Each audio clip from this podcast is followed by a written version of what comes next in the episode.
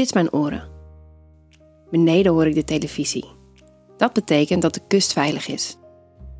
Ik trek mijn topje naar beneden en ontbloot mijn bovenlichaam.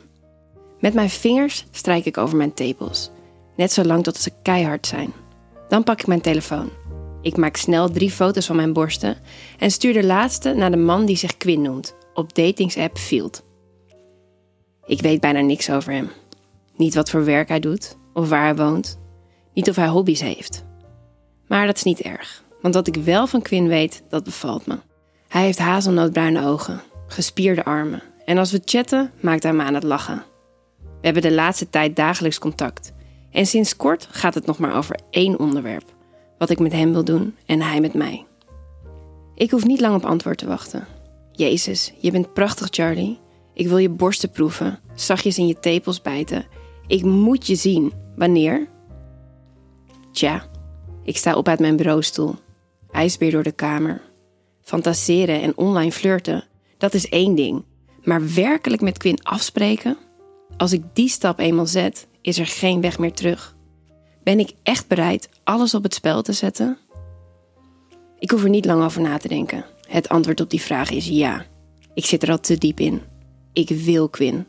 Kan nergens anders aan denken. Dan hak ik de knoop door. Vrijdagmiddag schrijf ik. Deal, ik kan niet wachten. Ik stuur de tijd en locatie door, antwoordt hij. Ik ga naar bed. Kom je ook? Mijn man Boris staat ineens in de deuropening van mijn werkkamer. Fuck, ik schrik me helemaal kapot. Ik ging zo op in het gesprek met Quinn dat ik Boris niet aanhoorde komen.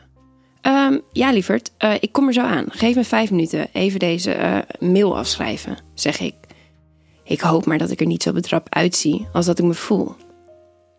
Blijkbaar niet, want Boris glimlacht liefdevol en knikt. Gelukkig, hij heeft niks door. Terwijl ik mijn tanden poets in de badkamer, slaat de twijfel ineens weer toe. Boris is mijn grote liefde, de man waarmee ik al twaalf jaar mijn leven deel, de vader van mijn twee kinderen. We hebben het goed samen, heel goed zelfs. Maar ons seksleven is routinematig, saai. Tijdens onze beginjaren had ik niks te klagen. Boris kon geen genoeg van me krijgen en ik niet van hem. En nog steeds vind ik mijn man aantrekkelijk. Als ik eerlijk ben, wil ik helemaal niet vreemd gaan. Ik snak naar spannende seks, naar meer dan het verplichte nummertje. Maar het allerliefst zou ik spanning samen met Boris opzoeken. Helaas zit dat er niet in. Boris' libido is veel lager dan dat van mij. Hij vindt eens per twee weken meer dan genoeg. Als ik vaker wil, dan wijst hij me af. We vrijen in een vast patroon. Het is lekker en intiem. Maar de voorspelbaarheid benauwt me. Ik heb vaak genoeg mijn best gedaan om de boel een beetje op te spijzen. Ik stelde een rollenspel voor, anale seks, een kinky hotelkamer boeken. Maar Boris schoot al mijn ideeën af. Hij vindt het gedoe en ook niet passen bij onze levensfase. Pff, alsof ouders geen recht hebben op avontuurlijke seks. Ik wil nog niet leven als een bejaarde. Dus er zit niks anders op.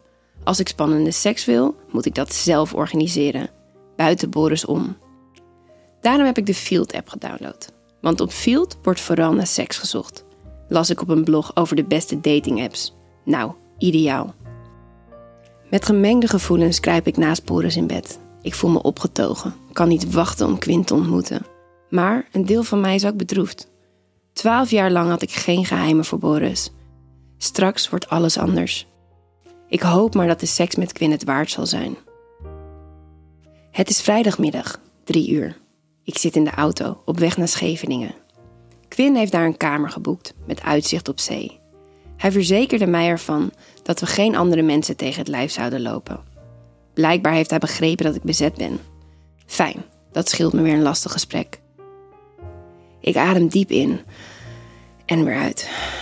In een poging mijn zenuwen tot bedaren te brengen. Ik kijk naar mezelf in de achteruitkijkspiegel. Ik heb vannacht kort geslapen door de spanning. En dat is te zien. Toch voel ik me niet moe. Daar zorgt de adrenaline wel voor. Ik parkeer mijn auto en loop het laatste stuk naar de Piersuites.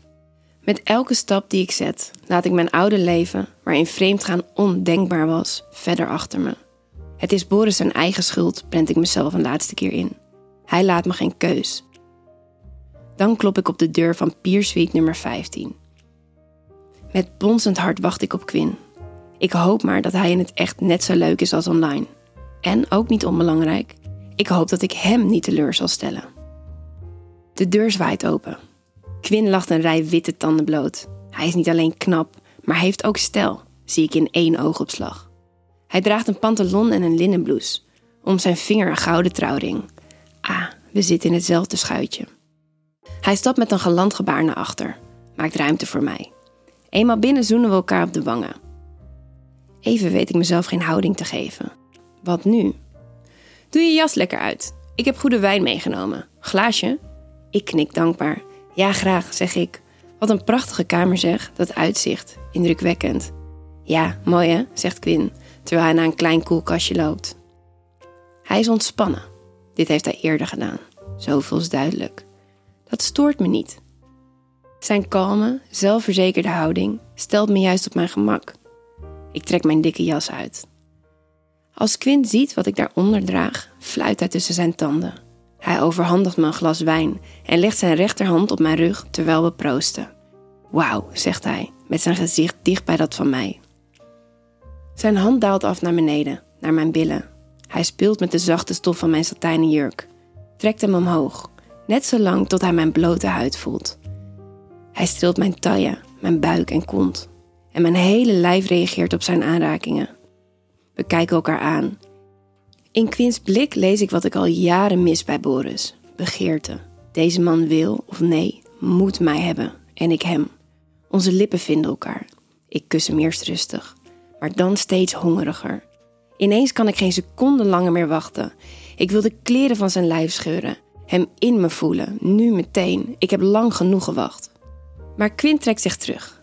Plagerig kijkt hij me aan. Niet zo ongeduldig, Charlie. We hebben alle tijd. Hij loopt naar het bad, dat voor het raam met zeezicht staat, en draait de kranen open. Laten we in bad gaan. Ik herpak mezelf. Wow, rustig aan, inderdaad. Oké, lekker, zeg ik zo relaxed mogelijk. Het is niet de bedoeling dat Quinn de touwtjes volledig in handen heeft. Dit is mijn moment. Ik bepaal, zo spreek ik mezelf bestraffend toe. Ik ga op de rand van het bad zitten. Langzaam duw ik de bandjes van mijn jurk over mijn schouders. Eerst links, dan rechts. Quinn staat voor me en volgt elke beweging die ik maak vol interesse.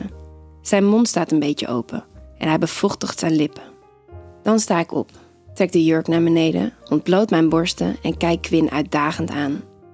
Nog mooier dan op de foto's, zegt Quinn. Hij doet twee passen naar voren, wil me vastpakken, maar ik duw hem weg.